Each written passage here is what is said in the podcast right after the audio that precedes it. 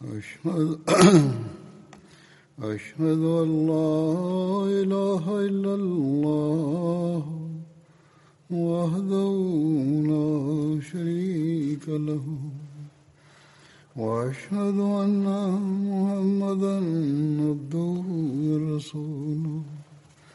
أما بعد فأعوذ بالله من الشيطان الرجيم. بسم الله الرحمن الرحيم. الحمد لله رب العالمين. الرحمن الرحيم. مالك يوم الدين. إياك نعبد وإياك نستعين. اهدنا الصراط المستقيم. صراط الذين أنعمت عليهم. غير المغضوب عليهم الماضية سيدنا عثمان رضي الله عنه. فما هو مقام سيدنا عثمان رضي الله عنه وكيف كان الصحابة ينظرون إليه في حياة النبي صلى الله عليه وسلم وبعده أيضا؟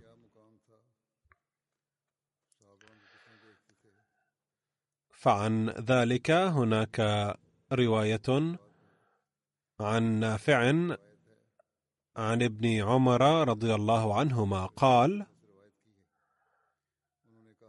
كنا نخير بين الناس في زمن النبي صلى الله عليه وسلم فنخير أبا بكر. ثم عمر بن الخطاب ثم عثمان بن عفان رضي الله عنهم. وفي البخاري رواية أخرى عن نافع عن ابن عمر رضي الله عنهما قال كنا في زمن النبي صلى الله عليه وسلم لا نعدل بأبي بكر أحدا. ثم عمر ثم عثمان ثم نترك أصحاب النبي صلى الله عليه وسلم لا نفاضل بينهم.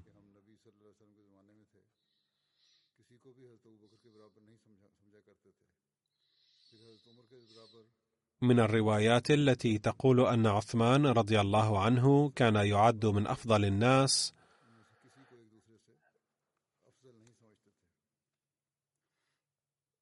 رواية عن محمد بن الحنفية قال قلت لأبي أي الناس خير بعد رسول الله صلى الله عليه وسلم؟ قال أبو بكر. قلت ثم من؟ قال ثم عمر. وخشيت أن يقول عثمان. قلت ثم أنت قال ما أنا إلا رجل من المسلمين.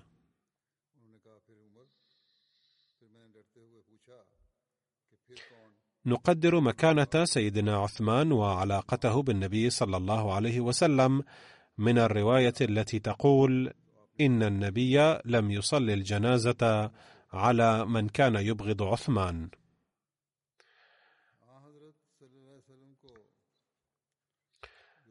وهي عن جابر قال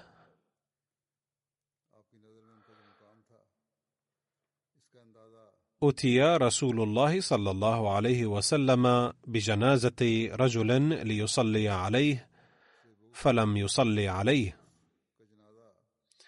فقيل يا رسول الله ما رأيناك تركت الصلاة على أحد قبل هذا؟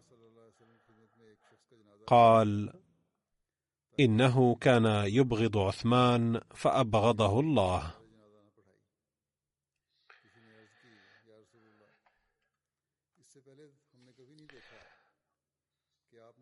وعن عدل عثمان ذكر كيف أمر بمعاقبة أخيه بعد أن تبين أنه مجرم.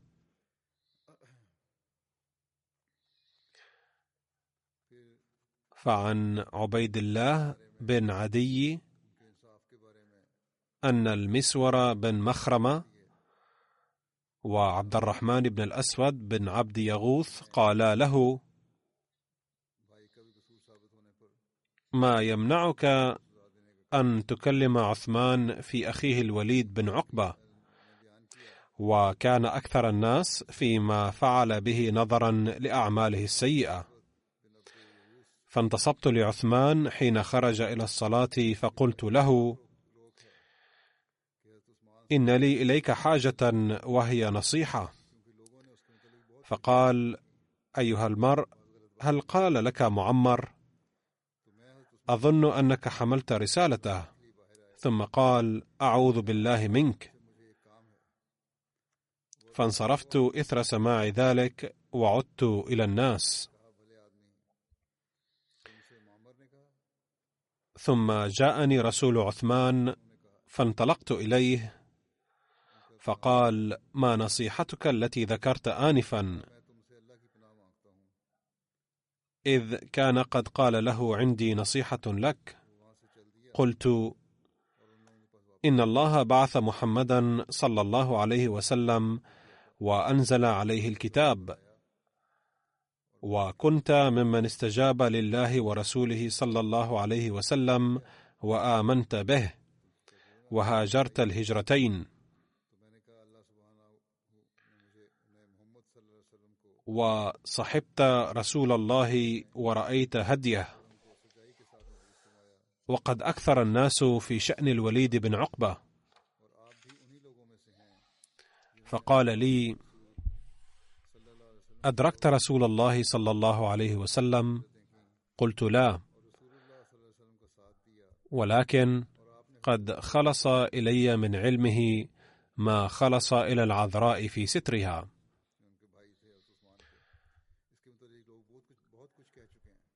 قال عثمان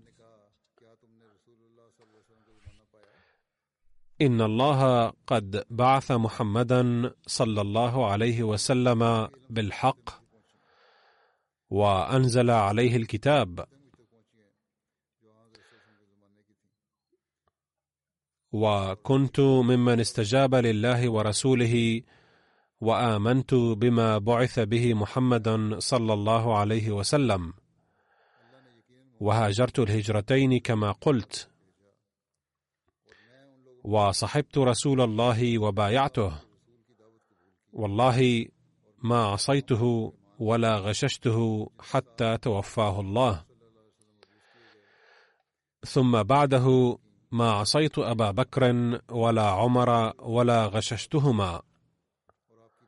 ثم استخلفت أفليس لي عليكم مثل الذي كان لهما؟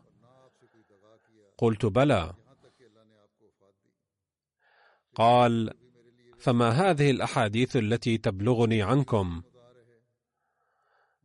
فأما ما ذكرت من شأن الوليد بن عقبة فسنأخذ فيه إن شاء الله بالحق أي ما يستحق من العقوبة. ثم دعا سيدنا عليا وأمره أن يضربه ثمانين درة ففعل.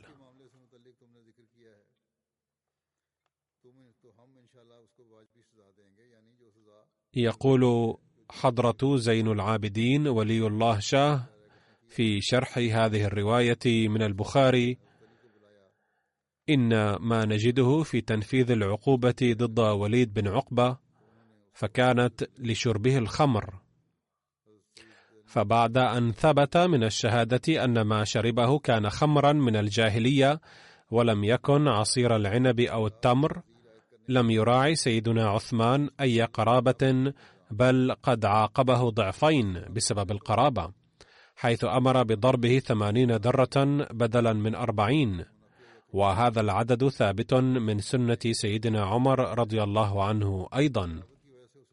ثم نجد في رواية عن ابن شهاب أن عطاء بن يزيد أخبره أن حمران مولى عثمان أخبره أنه رأى عثمان بن عفان دعا بإناء فأفرغ على كفيه ثلاث مرار فغسلهما ثم أدخل يمينه في الإناء فمضمض واستنشق ثم غسل وجهه ثلاثا ويديه إلى المرفقين ثلاث مرار. ثم مسح برأسه ثم غسل رجليه ثلاث مرار إلى الكعبين ثم قال قال رسول الله صلى الله عليه وسلم من توضأ نحو وضوء هذا ثم صلى ركعتين لا يحدث فيهما نفسه. غفر له ما تقدم من ذنبه.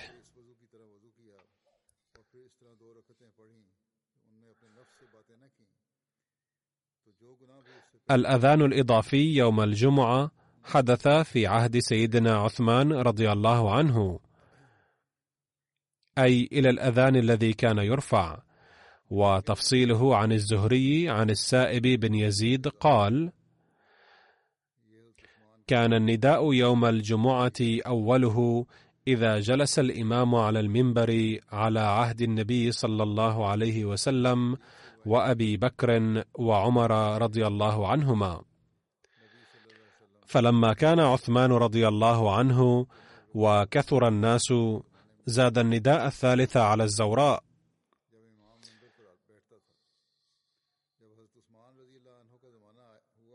قال أبو عبد الله الزوراء موضع بالسوق بالمدينة. وفي كتاب الفقه الأحمدي أيضا ورد عن ذلك نقلا عن الحديث أن في عهد النبي صلى الله عليه وسلم وأبي بكر وعمر رضي الله عنهما كان يرفع أذان واحد يوم الجمعة من المنبر الذي من المؤكد أنه كان في داخل المسجد. وفي عهد عثمان رضي الله عنه أضيف أذان ثان كان يرفع وقوفا على الحجر الذي كان عند باب المسجد واسمه زهراء. وورد في نعمة الباري شرح البخاري في شرح هذا الحديث عن ابن الشهاب عن الزهري عن السائب أن ما سمي في هذا الباب الأذان الثالث فهو انطلاقا من اعتبار الإقامة أيضا أذانا.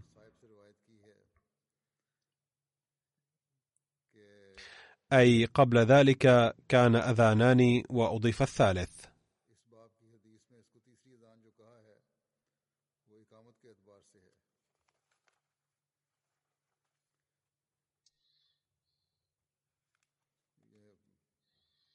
فالرواية الأولى التي قرأت عليكم ورد فيها أن الناس كثروا فأضاف سيدنا عثمان أذانا ثالثا من الزهراء. فالمراد من الأذان الثالث هو الأذان الثاني في الحقيقة والثالث حقيقة هو الإقامة فبهذا ينادى للصلاة ثلاث مرات. هناك رواية عن الرخصة من صلاة الجمعة إذا كان فيه العيد فقال أبو عبيد مولى ابن أزهر أنه شهد العيد يوم الأضحى مع عمر بن الخطاب رضي الله عنه. فصلى قبل الخطبة ثم خطب الناس فقال: يا أيها الناس إن رسول الله صلى الله عليه وسلم قد نهاكم عن صيام هذين العيدين أما أحدهما فيوم فطركم من صيامكم وأما الآخر فيوم تأكلون من نسككم. قال أبو عبيد ثم شهدت العيد مع عثمان بن عفان فكان ذلك يوم الجمعة فصلى قبل الخطبة ثم خطب فقال يا أيها الناس إن هذا يوم قد اجتمع لكم فيه عيدان. فمن أحب أن ينتظر الجمعة من أهل العوالي فلينتظر ومن أحب أن يرجع فقد أذنت له. ورد في الكتاب فقه الأحمدية أمر بهذا الخصوص لم أجد أي دليل واضح على ذلك حتى الآن. وهو أنه لو اجتمع الجمعة والعيد في يوم واحد فيمكن أن تصلى الجمعة بدون الظهر بل تكفي صلاة العصر في وقت العصر. كما ورد عن عطاء بن رباح قال اجتمع يوم جمعة ويوم فطر على عهد ابن الزبير فقال عيدان اجتمعا في يوم واحد فجمعهما جميعا فصلاهما ركعتين بكرة لم يزد عليهما حتى صلى العصر. وهذا الأمر يحتاج إلى مزيد من الدراسة وهذا ما قاله الخليفة الرابع رحمه الله تعالى أيضا. وقد درس من قبل أيضا وأرى أنه ليس صحيحا. ثم لم يعثر على روايات قط تثبت ذلك بعمل النبي صلى الله عليه وسلم أنه ترك صلاة الظهر.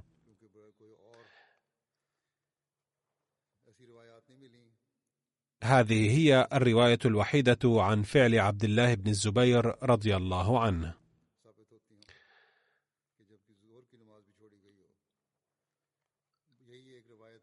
هذا الأمر يحتاج إلى مزيد من التحقيق.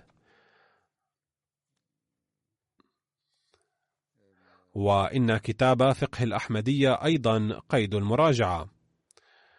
وأرى أن هذا الأمر يتطلب التأمل أكثر في مدى صحة القول بعدم أداء صلاة الظهر.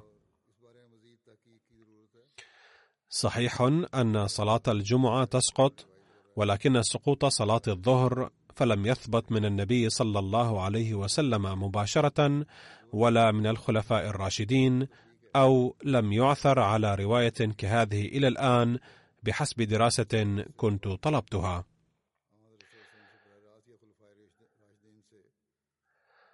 وهناك رواية عن الغسل يوم الجمعة عن أبي هريرة رضي الله عنه قال بينما عمر بن الخطاب يخطب الناس يوم الجمعة إذ دخل عثمان بن عفان فعرض به عمر فقال ما بال رجال يتأخرون بعد النداء. فقال عثمان يا أمير المؤمنين ما زدت حين سمعت النداء أن توضأت ثم أقبلت. فقال عمر والوضوء أيضا ألم تسمعوا رسول الله صلى الله عليه وسلم يقول إذا جاء أحدكم إلى الجمعة فليغتسل. إذا كان الماء والتسهيلات ميسرة فيجب الغسل. وفي الأحاديث روايات عثمان رضي الله عنه المرفوعة قليلة جدا مقارنة بالصحابة الآخرين.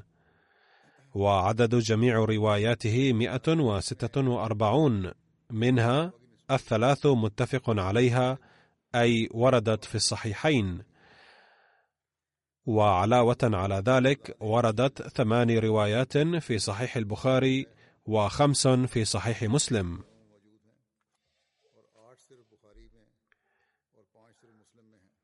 وهكذا مجموع رواياته في الصحيحين هو ست عشرة وسبب قلة روايات عثمان هو حذره للغاية في رواية الأحاديث. فقال عثمان بن عفان رضي الله عنه ما يمنعني أن أحدث عن رسول الله صلى الله عليه وسلم ألا أكون أوعى أصحابه عنه. قد تكون ذاكرتي أضعف من الصحابة الآخرين فيكون قولهم أصح لذلك أحذر رواية الأحاديث. ولكني أشهد لا سمعته يقول من قال علي ما لم أقل فليتبوأ مقعده من النار. وقال حسين أوعى صحابته عنه. قال عبد الرحمن بن حاطب ما رأيت أحدا من أصحاب رسول الله صلى الله عليه وسلم كان إذا حدث أتم حديثا ولا أحسن من عثمان بن عفان إلا أنه كان رجلا يهاب الحديث. عن حمران بن أبان عن عثمان بن عفان أنه دعا بماء فتوضأ ومضمض واستنشق ثم غسل وجهه ثلاثا وذراعيه ثلاثا ثلاثا ومسح برأسه وظهر قدميه ثم ضحك. فقال لأصحابه ألا تسألوني عما أضحكني؟ فقالوا مما ضحكت يا أمير المؤمنين؟ قال رأيت رسول الله صلى الله عليه وسلم دعا بماء قريبا من هذه البقعة. فتوضأ كما توضأت ثم ضحك فقال ألا تسألوني ما أضحكني؟ فقالوا ما أضحكك يا رسول الله؟ فقال إن العبد إذا دعا بوضوء فغسل وجهه حط الله عنه كل خطيئة أصابها بوجهه فإذا غسل ذراعيه كان كذلك وإن مسح برأسه كان كذلك وإذا طهر قدميه كان كذلك. كان يجب أن تذكر هذه الرواية مع الرواية السابقة عن الوضوء على أي حال ذكرت الآن. وبحسب الروايات المتعلقة بزيجات عثمان وأولاده كان عثمان رضي الله عنه قد تزوج ثمانية زوجات كلهن بعد إسلامه.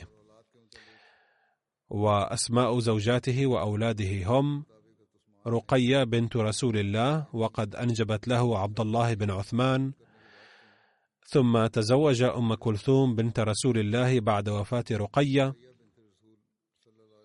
وتزوج فاختة بنت غزوان وهي أخت الأمير عتبة بن غزوان وأنجبت لعثمان عبد الله ويقال له عبد الله الأصغر وأم عمرو بنت جندب الأزدية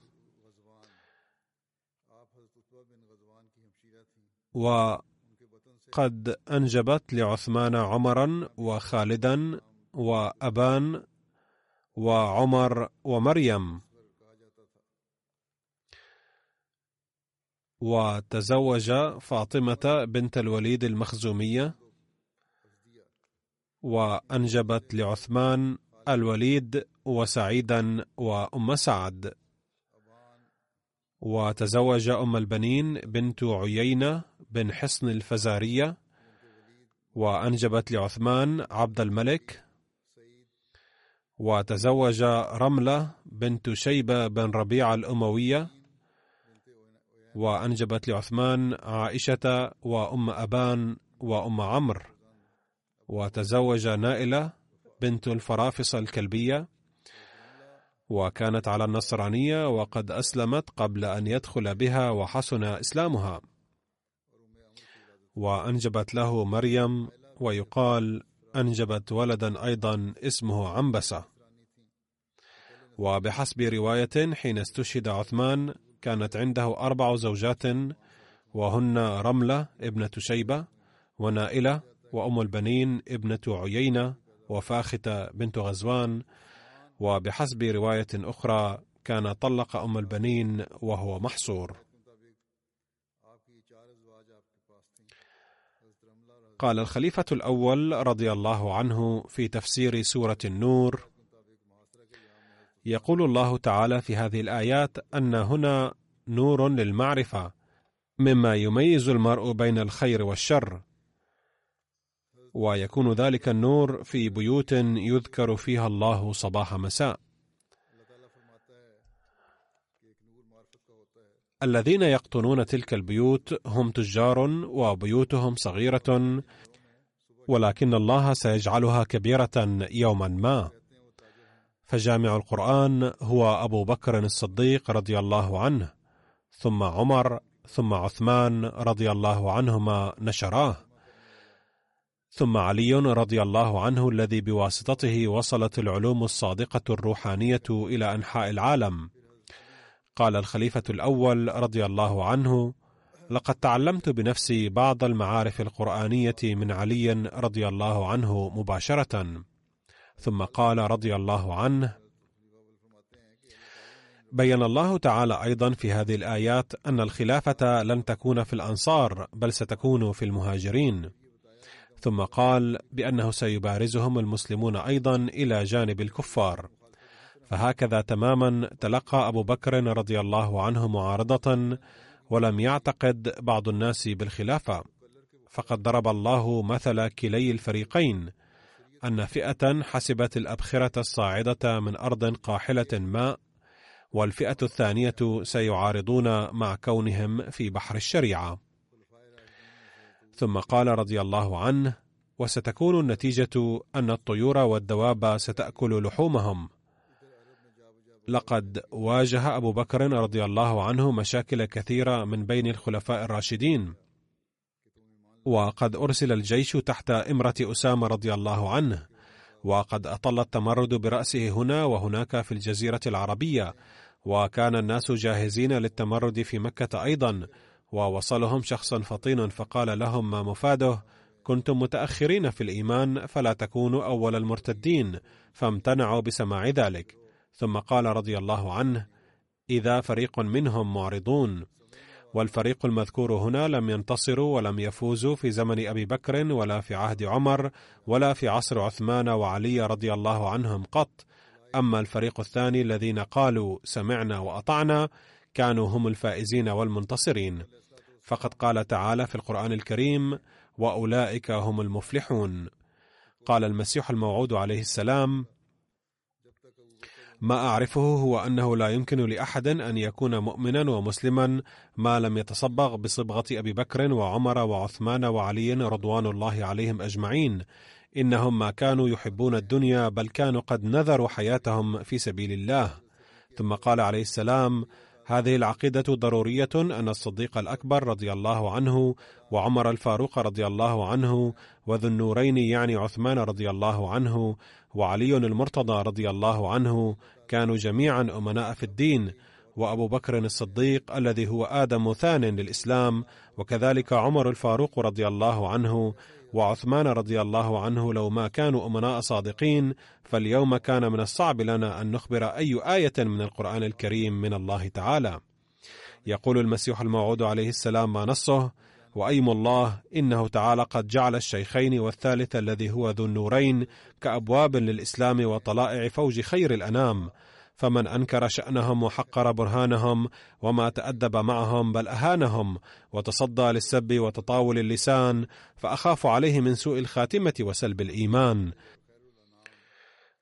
والذين آذوهم ولعنوهم ورموهم بالبهتان فكان آخر أمرهم قساوة القلب وغضب الرحمن.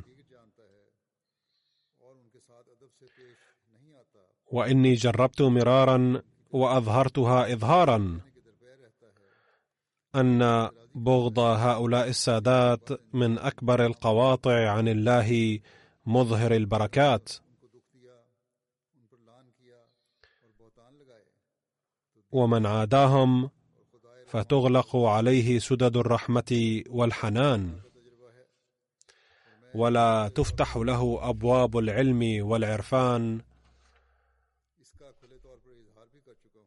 ويتركه الله في جذبات الدنيا وشهواتها. ويسقط في وهاد النفس وهواتها. ويجعله من المبعدين المحجوبين. ثم قال عليه السلام ما أنجز بحق الإسلام بعد النبي صلى الله عليه وسلم إنما أنجز بواسطة الأصحاب الثلاثة أي أبي بكر وعمر وعثمان رضي الله عنهم. ثم قال في ذكر شتائم أهل الشيعة ما نصه وكيف نشكوكم على سبكم وإنكم تلعنون الصحابة كلهم إلا قليلا كالمعدومين وتلعنون أزواج رسول الله أمهات المؤمنين وتحسبون كتاب الله كلاما زيد عليه ونقص. وتقولون إنه بياض عثمان وأنه ليس من رب العالمين. فلعنكم الله بفسقكم وصرتم قوما عمين.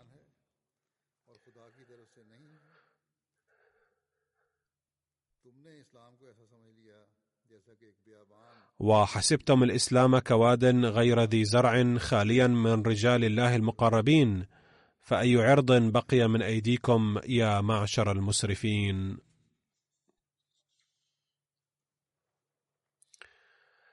ثم قال عليه السلام ما نصه؟ علمت من ربي في أمر الخلافة على وجه التحقيق وبلغت عمق الحقيقة كأهل التدقيق وأظهر علي ربي أن الصديق والفاروق وعثمان كانوا من أهل الصلاح والإيمان وكانوا من الذين آثرهم الله وخصوا بمواهب الرحمن وشهد على مزاياهم كثير من ذوي العرفان. تركوا الأوطان لمرضاة حضرة الكبرياء ودخلوا وطيس كل حرب. وما بال حر ظهيرة الصيف وبرد ليل الشتاء. بل ماسوا في سبل الدين كفتية مترعرعين. وما مالوا إلى قريب ولا غريب. وتركوا الكل لله رب العالمين. وإن لهم نشرا في أعمالهم ونفحات في أفعالهم. وكلها ترشد إلى روضات درجاتهم وجنات حسناتهم. ونسيمهم يخبر عن سرهم بفوحاتها وأنوارهم تظهر علينا بإناراتها. فاستدلوا بتأرج عرفهم على تبلج عرفهم ولا تتبعوا الظنون مستعجلين. ولا تتكئوا على بعض الأخبار إذ فيها سم كثير وغلو كبير لا يليق بالاعتبار. وكم منها يشابه ريحا قلبا أو برقا خلبا. فاتق الله ولا تكن من متبعيها.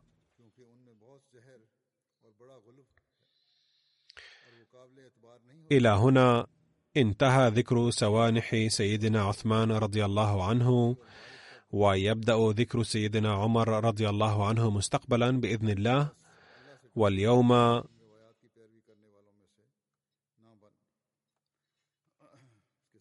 سأفتتح بإذن الله موقعا جديدا أطلق بعنوان holyquran دوت اي أو إلى جانب الإسلام دوت ويمكن مشاهدته بصورة منفصلة أيضا عن الموقع المركزي وقد أعد الإصدار الأول لهذا الموقع محتويا على نظام البحث في القرآن الكريم بحيث يمكن البحث عن اية آية أو كلمة أو موضوع بالعربية والإنجليزية والأردية بواسطة محرك البحث الحديث. وفي هذا البحث يمكن العثور على تراجم معاني القرآن الكريم التي قامت بها الجماعة الإسلامية الأحمدية وغيرهم أيضا. ومع كل آية يمكن أيضا مشاهدة تفسيرها والآيات الأخرى المتعلقة بها. وما زال العمل في هذا المجال جاريا وسيعد الجزء التالي منه إلى الجلسة السنوية لجماعة بريطانيا لعام 2021 بإذن الله.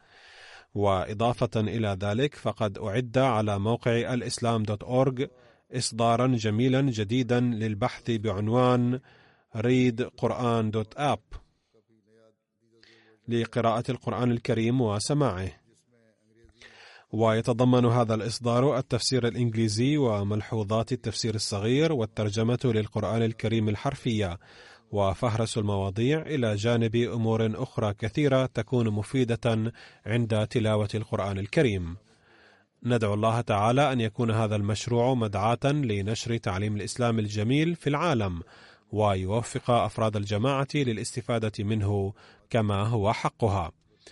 كذلك أرجو الدعاء للأحمديين في باكستان ليغير الله تعالى ظروفهم إلى الأحسن ويهيئ لهم سهولة ويسرا كما أرجو الدعاء للأحمديين في الجزائر أن يثبت الله أقدامهم ويغير ظروفهم أيضا. والآن سأصلي صلاة الغائب على بعض المرحومين. تصلني طلبات كثيرة بهذا الشأن ولكن من الصعب أن أذكر هنا الجميع وأصلي عليهم. على أي حال سأذكر الآن بعض المتوفين وقد ضممت إلى هذه القائمة الآخرين أيضا دون أن أذكر أسماءهم وأدعو الله تعالى أن يغفر لهم جميعا ويرحمهم. على أي حال سأذكر الآن بعضا منهم فأولهم هو المرحوم محمد صادق من درغامبور ببنغلاديش. وقد توفي بتاريخ الرابع عشر من شهر نوفمبر 2020 عن عمر يناهز 75 عاما. إنا لله وإنا إليه راجعون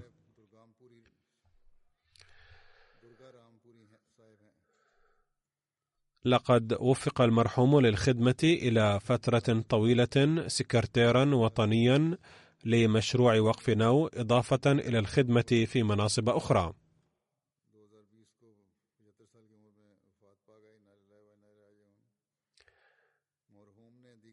كان يزور فروع الجماعة النائية بانتظام لتنسيق الدورات التربوية مع المشتركين في وقف نو وآبائهم.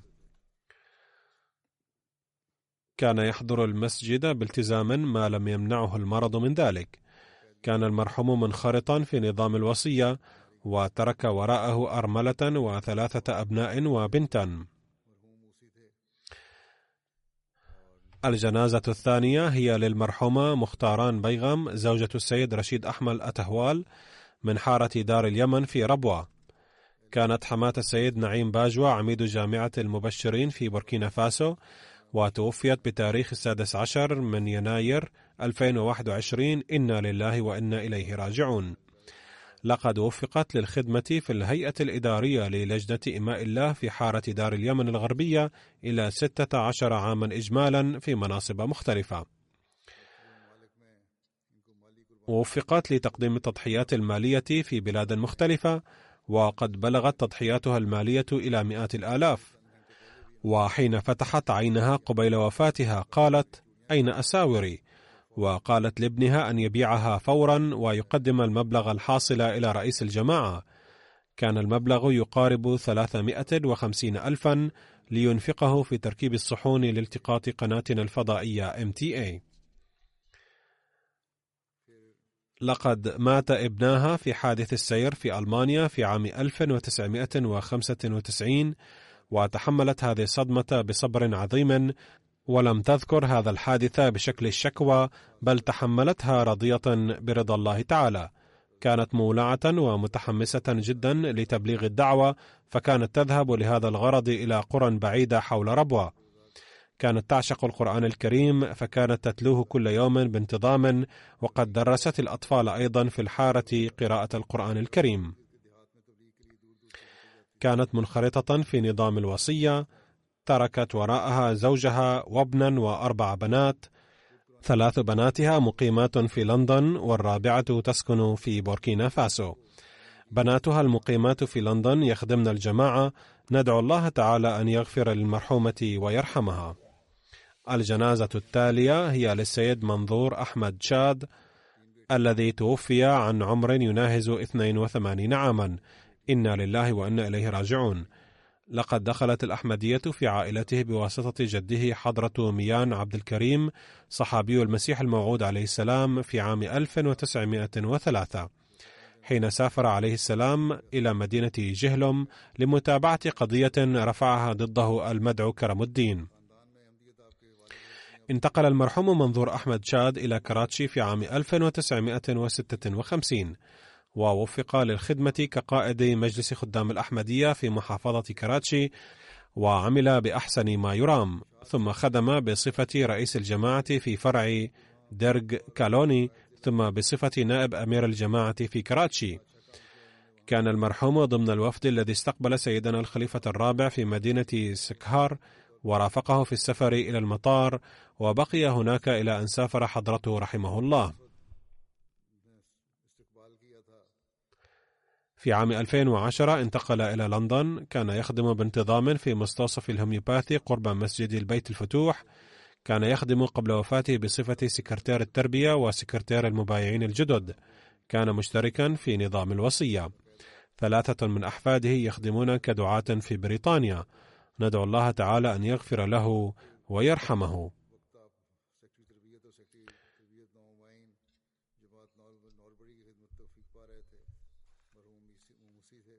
والجنازة التالية هي للسيدة حميدة أخطر زوجة السيد عبد الرحمن سليم من الولايات المتحدة. وقد توفيت في التاسع عشر من يناير المنصرم وعمرها 92 عاما. إنا لله وإنا إليه راجعون. وفق الله المرحومة لخدمة الجماعة طويلا حوالي خمسين عاما في لجنة إماء الله في جماعتنا بكراتشي وروالبندي بصفتها السكرتيرة العامة وكذلك رئيسة اللجنة. ومسؤولة عن قيادة مناطق مختلفة كانت المرحومة عاشقة للخلافة وكانت توصي أولادها أيضا بالاعتصام بالخلافة بإخلاص داومت على الصلوات الخمس وصلاة التهجد طوال حياتها كانت تعتني بتعليم القرآن الكريم لأولادها وأولاد الآخرين عناية خاصة. شرفها الله تعالى بالعمرة أيضا. كانت منخرطة في نظام الوصية، تركت وراءها خمسة أبناء وبنتين. عديد من أولادها يخدمون الدين والجماعة بشتى المناصب، ومنهم الدكتور عبد السلام والدكتور خليق ملك غفر الله تعالى للمرحومة ورحمها. والجنازة التالية هي لسيد ناصر بيتر ليتسن هو أحمدي ألماني وتوفي في 20 يناير المنصرم. إنا لله وإنا إليه راجعون. قالت ابنته في أحد أيام عام 1983 كان أبي يمر بسوق البلدة إذ وقع بصره على معرض صغير للكتب. على طاولة صغيرة وضعت عليها كتب تعريفية للإسلام والجماعة. وكان اثنان أو ثلاثة من الأجانب واقفين وراء الطاولة.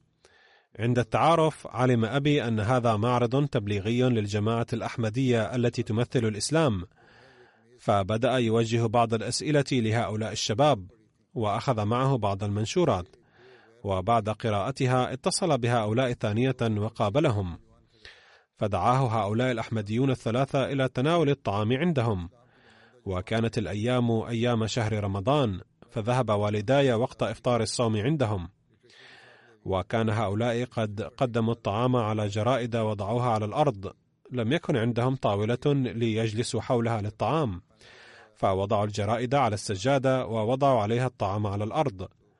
أعجب والداي بالطعام ولكن بساطة هؤلاء وضيافتهم أعجبتهما أكثر. وبعد الطعام جرى بينهم حوار أيضا ثم بدأت زياراتهم لبيتنا. وبعد مطالعة وتحقيق استغرقا بضعة أشهر بايع والداي وانضما إلى الجماعة الإسلامية الأحمدية في عام 1984 وكان ذلك يوم العيد. حيث ذهب أبي السيد ناصر مع بعض الإخوة للعيد وتشرف بالبيعة. كان له شرف إلقاء الخطاب في إحدى الجلسات السنوية أيضا. وتقول ابنة المرحوم أيضا كانت أمي شديدة الاهتمام بالدين وولعها بالبحث عن الدين الحق أوصلاها إلى الأحمدية ثم صارت لها علاقة حية مع الإله الحي أيضا ورأت آية استجابة الدعاء مرارا انظروا الآن كيف كان الله تعالى يريها الآيات. تقول ابنتها: كانت أمي لا تقدر على الرؤية بإحدى عينيها، ولكنها لما حضرت الجلسة السنوية بالمملكة المتحدة عام 1986 عاد بصر تلك العين جزئيا فجأة. كانت عينها تلك من قبل لا تبصر شيئا على الإطلاق، ولكنها بدأت ترى بها قليلا قليلا. وهذا الأمر ليس بأقل من معجزة لمن كانت عينه لا ترى شيئا على الإطلاق لقد حصلت هذه المعجزة معها بعد حرمانها من البصر من تلك العين لإحدى عشرة سنة وقد حظيت أمي بهذه البركة فقط نتيجة الأدعية التي دعت بها في تلك الجلسة. ثم تقول ابنتها كانت أمي عندما تأتي إلى هنا كانت تقيم في بيت السيدة خديجة إحدى الأحمديات الألمانيات وذات يوم خرج أبي وأمي من البيت للتنزه وذهبا بعيدا وضلا طريقهما إلى البيت وكان قلقهما يزداد باشتداد ظلام الليل وبينما كانا واقفين على طريق كان المرور فيه مزدحما جدا ولم يدريا أين يقفان وكان الظلام قد اشتد أكثر. قالت أمي لأبي تعال ندعو الله تعالى. وما إن انتهيا من الدعاء حتى رأيا زوج بنت السيدة خديجة واقفا بجانب سيارته ويقول لهما تعالا اركبا السيارة لآخذكما إلى البيت. إن واقعة استجابة الدعاء هذه قد زادت إيمان أمي نضارة وقوة. وكتب السيد ليك منير الداعية في ألمانيا كانت عائلة ليتسن كلها أحمدية. وكنا نقول عندها إنها العائلة الألمانية الوحيدة التي كلها أحمدية. كان المرحوم شديد الإخلاص قليل الكلام نبيل الطبع ومن المتقدمين في التضحيات المالية أيضا. كان يلقي المحاضرات في البرامج التبليغية. كلما ذكر عنده اسم سيدنا المسيح الموعود عليه السلام اغرورقت عيناه بالدمع. في إحدى الجلسات الدعوية قدم المرحوم تعاليم الإسلام بأسلوب أخاذ جميل جدا. فجاءني أحد الألمان الذي كان سنه 17 عاما وقال المعلومات التي حصلت عليها اليوم عن الإسلام لم أجدها من قبل قط. غفر الله للمرحوم ورحمه وثبت أولاده على الأحمدية. والجنازة التالية هي للسيدة رضية تنوير من كندا زوجة الداعية خليل أحمد تنوير نائب عميد الجامعة الأحمدية بربوة حيث وافتها المنية في كندا في السابع والعشرين من يناير وعمرها يناهز 58 عاما. كانت مصابة بالسرطان كانت المرحومة شغوفة جدا بأعمال خدمة الدين منذ صغرها. وظل هذا الشغف عندها حتى الوفاة. وفقها الله تعالى لخدمة الدين ل 22 عاما حيث قامت بخدمات المحاسبة في شتى الأقسام في مكتب لجنة إماء الله في باكستان وفي مكتب مجلة مصباح الشهرية. وظلت تقوم بهذه الخدمات حتى مرضت كان لها شرف العمل مع حضرة تشوتي آبا لمدة طويلة وتعلمت منها الكثير كما نالت من أدعيتها الكثير. تغمد الله المرحومة بمغفرته ورحمته.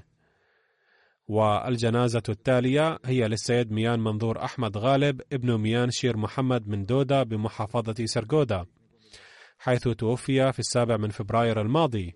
إنا لله وإنا إليه راجعون. وفق الله تعالى أخاها الأكبر لقبول دعوة الأحمدية في عام 1955 ثم جعل المرحوم يذهب مع أخيه الأكبر إلى ربوة حيث بايع هناك. كتب ابنه السيد بشير أحمد من بلجيكا. كان أبي عاشقا والها للخلافة وكان لا يؤول أي أمر صادر من الخلافة بل كان يطيعه كما هو تماما. وأنا أعلمه شخصيا فقد كان بلا شك جد مخلص ووفي وخادم للجماعة ومطيع للخلافة. كان مؤثرا الدين على الدنيا خادما للدين مضيافا درويج الطابع. معينا للفقراء دمث الأخلاق. شفيقا ومحببا للجميع. وفقه الله لخدمة الدين أولا في مجلس خدام الأحمدية على صعيد المحافظة وفي مجلس أنصار الله على صعيد المحافظة أيضا. ثم في نظام الجماعة كسكرتير المال وسكرتير الوقف الجديد والتحريك الجديد لمحافظة سرغودا كلها. وقد قام بهذه الخدمات على أحسن وجه. أحد أحفاده الداعية سفير أحمد يخدم في مكتب السكرتير الخاص هنا في هذه الأيام. غفر الله للمرحوم ورحمه. والجنازة التالية هي للسيدة بشرى حميد أنور عدني زوجة السيد حميد أنور من عدن اليمن وهي والدة السيد محمد أحمد أنور الذي يعمل متطوعا في قناتنا MTA وهي حماة السيد منير أحمد عودة مدير الإنتاج في MTA وافتها المنية في الرابع عشر من فبراير المنصرم عن عمر يناهز تسعة وستين عاما. إنا لله وإنا إليه راجعون. كانت حفيدة لصحابي وصحابية للمسيح الموعود عليه السلام وهما حضرة حاج محمد دين ديالوي وحضرة حسين بيبي رضي الله عنهما. وفق الله المرحومة للعمل التطوعي في قناتنا MTA وقد عملت بانتظام ولمدة طويلة في نقل ملفات برنامج لقاء مع العرب كاملة. كما خدمت في MTA العربية أيضا كانت تشعر بسعادة غامرة في خدمة الجماعة بأي شكل كانت. كانت سيدة صابرة شاكرة تغمدها الله بواسع مغفرته ورحمته. والجنازة التالية هي للسيد نور الصباح ظفر زوجة محمد أفضل ظفر الداعية في إلدوريد بكينيا. حيث توفيت في الخامس والعشرين من مارس المنصرم عن عمر يناهز 62 عاما. إنا لله وإنا إليه راجعون. كانت المرحومة أصغر بنات الداعية مولانا محمد سعيد الأنصار المرحوم وكانت أختا لزوجة السيد نسيم باجوة الداعية ببريطانيا. كتب زوجها السيد محمد أفضل ظفر كانت المرحومة مواظبة على الصلوات الخمس والتهجد وكانت تقوم بتلاوة القرآن الكريم كل يوم بدون انقطاع. كانت موقنة بالدعاء إلى أقصى الحدود. كانت تشتغل بالدعاء كل حين كما كانت تنصح أولادها بالدعاء دائما. كانت مواظبة على سماع خطبة الخليفة يوم الجمعة. وبعد الخطبة كانت تبين للأولاد أهم ما ورد فيها من أجل تربيتهم. كانت تحكي لأولادها كثيرا من الواقعات المثيرة للإيمان الواردة في الحديث والتاريخ وكتب الجماعة. وكانت توصيهم دائما بخدمة الدين والاعتصام بالخلافة. كانت بفضل الله تعالى موصية كانت تدفع التبرعات بانتظام إلى أقصى الحدود وكانت تساهم في كل دعوة للإنفاق في سبيل الله تعالى. قد وسع الله قلبها كثيرا من أجل إكرام الضيوف. عشنا معا لواحد وعشرين عاما. كانت زوجة مواسية جدا تستحق كل مدح وتقدير. كانت رفقتها جديرة بالإشادة. لقد استشهدت الزوجة الأولى للسيد ظفر مع أربعة أولادها. ثلاث بنات وابن واحد في فيجي. لما كان داعية هناك وسيدة نور كانت زوجته الثانية التي ربت ابنتيه من زوجته الأولى أيضا وأحبتهما كأمهما الحقيقية وقد عبرت الابنتان عن ذلك وقالتا بأنها لم تدعنا ندرك أبدا أنها ليست أمنا. لقد ربتهما تربية حسنة وعلمتهما تعليما جيدا. يقول السيد ظفر لم تحسن المرحومة تربية هاتين البنتين فحسب بل أحسنت إلى أهل زوجتي الأولى لدرجة أنهم أيضا يعترفون بحسن أخلاقها. تقول إحدى هاتين البنتين جاءت المرحومة في حياتنا كنور وسند وكأم شفوق وأحبتنا لدرجة لم نشعر بفقدان والدتنا. أنجبت المرحومة بنتا أخرى غير أنها لم تفرق قط بين هؤلاء البنات الثلاث. كانت عفيفة ومضحية وكانت توصينا دوما بالتوكل على الله والارتباط بالخلافة والالتزام بالتعاليم الدينية. وكانت تعلمنا احترام الكبار وصلة الرحم. غفر لها الله تعالى ورحمها.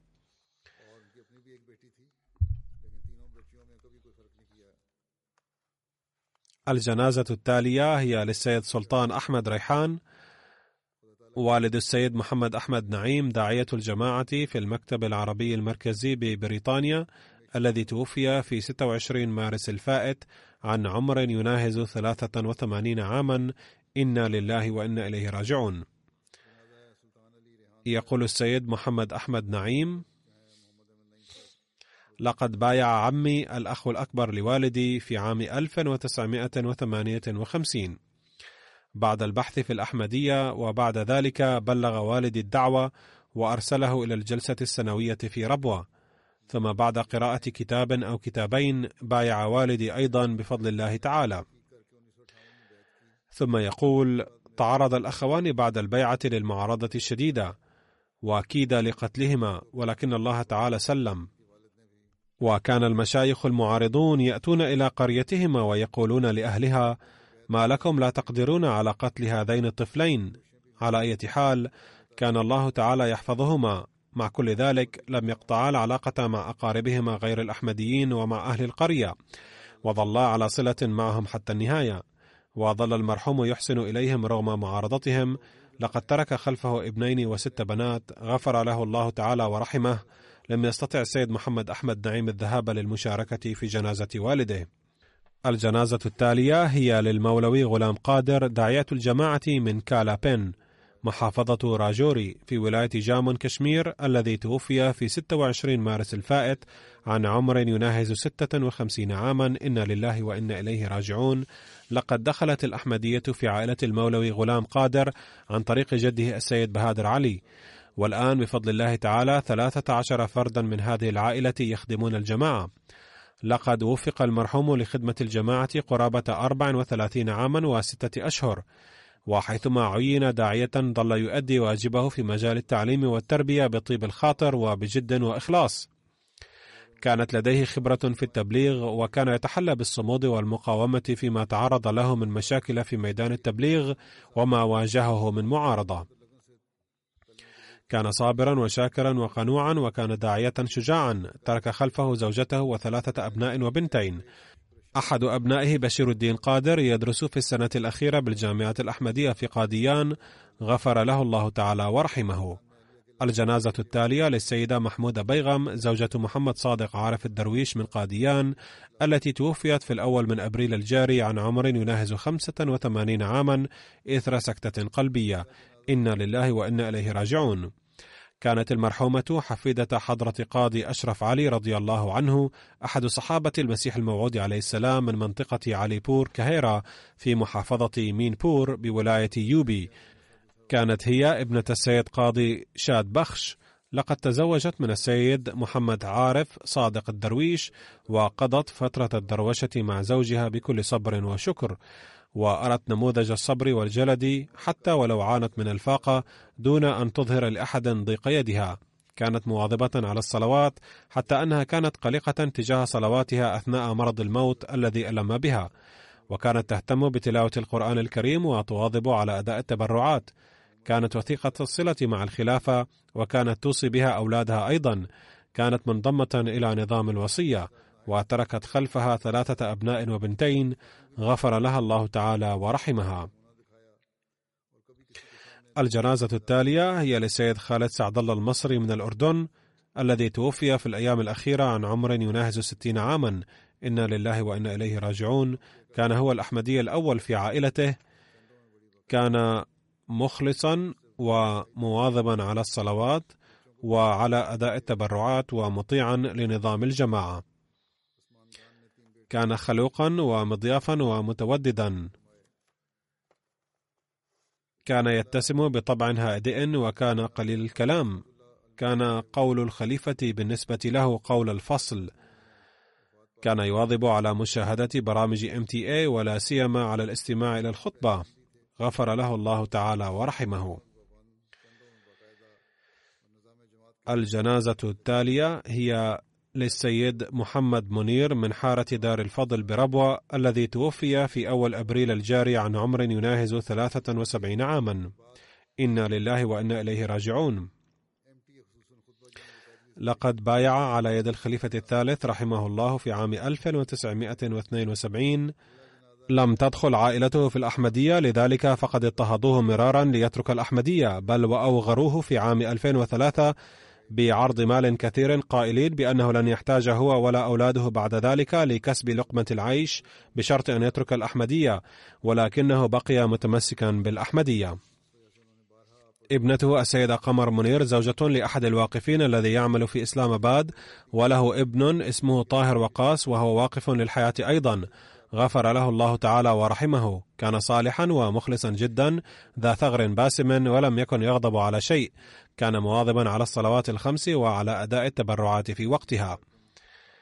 يقول أحد أقاربه الحافظ سعيد الرحمن لقد علمه والدي مهنة لأنه كان غير متزوج آنذاك ولم يكن أقاربه يعاملونه معاملة حسنة. ولذلك فإنه قد جاء إلى والده الذي كان محله على مقربة من منطقته. فقد علمه المهنة ثم أخذ يقيم في بيتهم. يقول سعيد الرحمن بأنه كان يواظب على الذهاب إلى المسجد للصلاة وكان يجلس في الصفوف الأمامية. كان مولعا بالتبليغ لدرجة أنه كان يخرج مع زوجته إلى القرى المجاورة لربوة من أجل التبليغ. غفر له الله تعالى ورحمه. والجنازة التالية هي للمدرس نذير أحمد من حارة دار البركات بربوة. الذي توفي في الرابع من أبريل الجاري عن عمر يناهز ثمانين عاما. إنا لله وإنا إليه راجعون. لقد دخلت الأحمدية في عائلته عن طريق والده ميان عمر الدين ابن ميان كرم الدين من منطقة داتا زيد كا في محافظة سيالكوت. فقد اهتدى لما كان عمره 15 سنة ثم اشترك في الجلسة السنوية عام 1914 أو 1915 وبايع على يد الخليفة الثاني رضي الله عنه. لقد اهتدى عن طريق الرؤيا. ثم بعد ذلك لما كان مقيما في قرية 99 الشمالية في سرغودا قوطع من قبل أساتذة المدرسة كلهم. ثم في المدرسة نفسها هجم أحد الطلبة على ابنه نصير أحمد البالغ من العمر تسعة أعوام فجرح غير أن الأستاذ المرحوم أبدى صبرا كبيرا. لقد نجا ابنه في ذلك الوقت إلا أنه مات لاحقا لتعرضه للحمى. وعندما وضع جثمان ابنه في القبر قال بكل صبر وتجلد يا ابني إنني فخور بك أنك ترحل من هذه الدنيا بعلامة لصدق الجماعة على جسمك. ما شعر احد بحاجة لداعية أو معلم للجماعة في قريته ما بقي هو فيها لأنه كان يؤدي هذا الواجب. ثم تم نقل وظيفته في مدرسة قرية مجاورة لربوة فانتقل إلى ربوة وظل يؤدي خدماته هناك أيضا. لقد علم القرآن لكثير من الأطفال الذكور والبنات. تعلم القرآن بالترتيل والتجويد بعد تقاعده من القارئ عاشق حسين وبعد ذلك أجرى دورة ترتيل القرآن للأطفال في حارته ثم كان يسعى ألا يبقى ولد أو بنت أكمل دراسته الثانوية ولم يحسن قراءة القرآن. فإن وجد أحدا فكان يقصد بيته ويعلمه القرآن في بيته. كان مواظبا على صلاة التهجد منذ الصغر وبسبب تفشي وباء كورونا لما منع في ربوة من كانت أعمارهم فوق الستين من الإتيان إلى المسجد أخذ المرحوم يصلي صلواته والجمعة في بيته بكل اهتمام.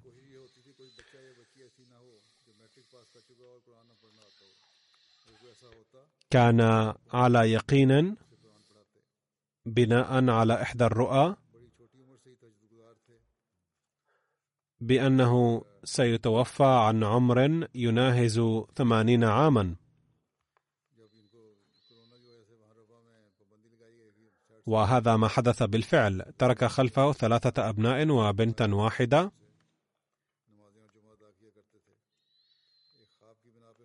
والأبناء الثلاثة من الواقفين حياتهم. وأحدهم السيد عزيز الذي يخدم في إسلام آباد.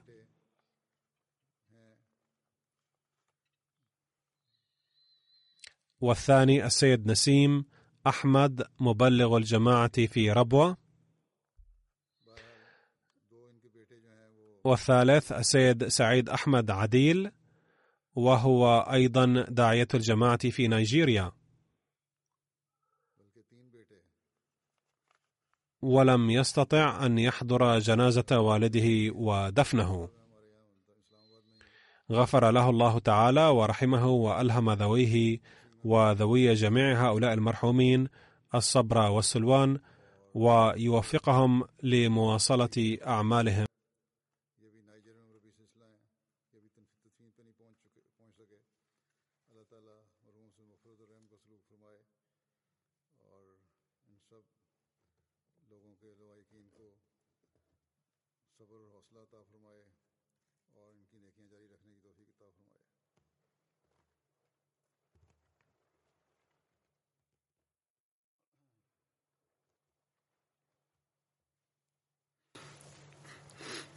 الحمد لله الحمد لله نحمده ونستعينه ونستغفره ونؤمن به ونتوكل عليه ونعوذ بالله من شرور أنفسنا ومن سيئات أعمالنا.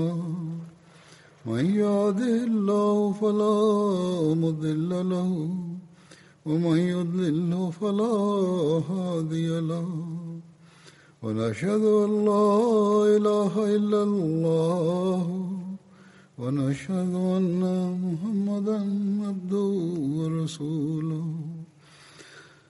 عباد الله رحمكم الله. إن الله يأمر بالعدل والإحسان. وإيتاء ذي القربى وينهى عن الفحشاء والمنكر والبغي يعظكم لعلكم تذكرون. اذكروا الله يذكركم ودوه يستجب لكم ولذكر الله أكبر.